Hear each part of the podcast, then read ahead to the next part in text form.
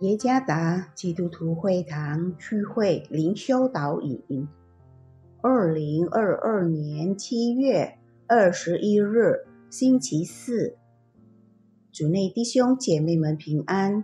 今天的灵修导引，我们要借着圣经彼得前书第四章十一节来思想今天的主题：按着神的能力。作者。古发起牧师，彼得前书第四章十一节：若有讲道的，要按着上帝的圣言讲；若有服侍人的，要按着上帝所赐的力量服侍，叫上帝在凡事上因耶稣基督得荣耀。原来荣耀全能。都是他的，直到永永远远。阿门。c e d r n s a f i g a s 打破了金世世界纪录，成为一个人拉最多的汽车。凭借他的力量，可以拉动十二辆重达两万八千五百三十磅的日产汽车。据 Grid Network 报道。这名男子在三十二点九秒内将车辆拉到五米远。如果每个服侍者使用上帝赐给他们的所有力量来服侍他，那该多好！使徒彼得写信给那些因信仰而遭受迫害的会众。他们的生活艰难，他们因对基督的信仰而受辱骂。彼得前书第四章十四节。尽管如此，他们必须继续做上帝的工作。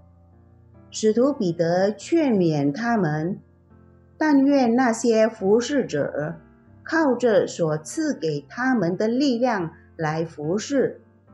上帝会赐给那些侍奉他的人力量。在希腊语中，这里说的“力量”一词，不使用 “dunamos”，而是使用可以表示力量的 “iskos” 一词。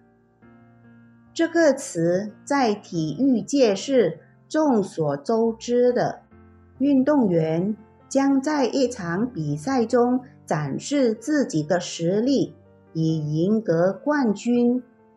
成为冠军要面对很多障碍和困难，但是一个运动员将全力以赴地面对这一切。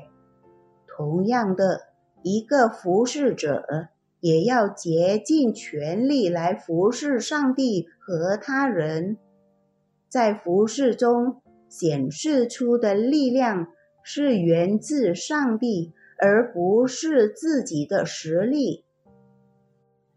谁有能力服侍？无一人。为什么这么多人从服侍的事工上退出？为什么某些人在服侍的事工上很容易动摇和失望？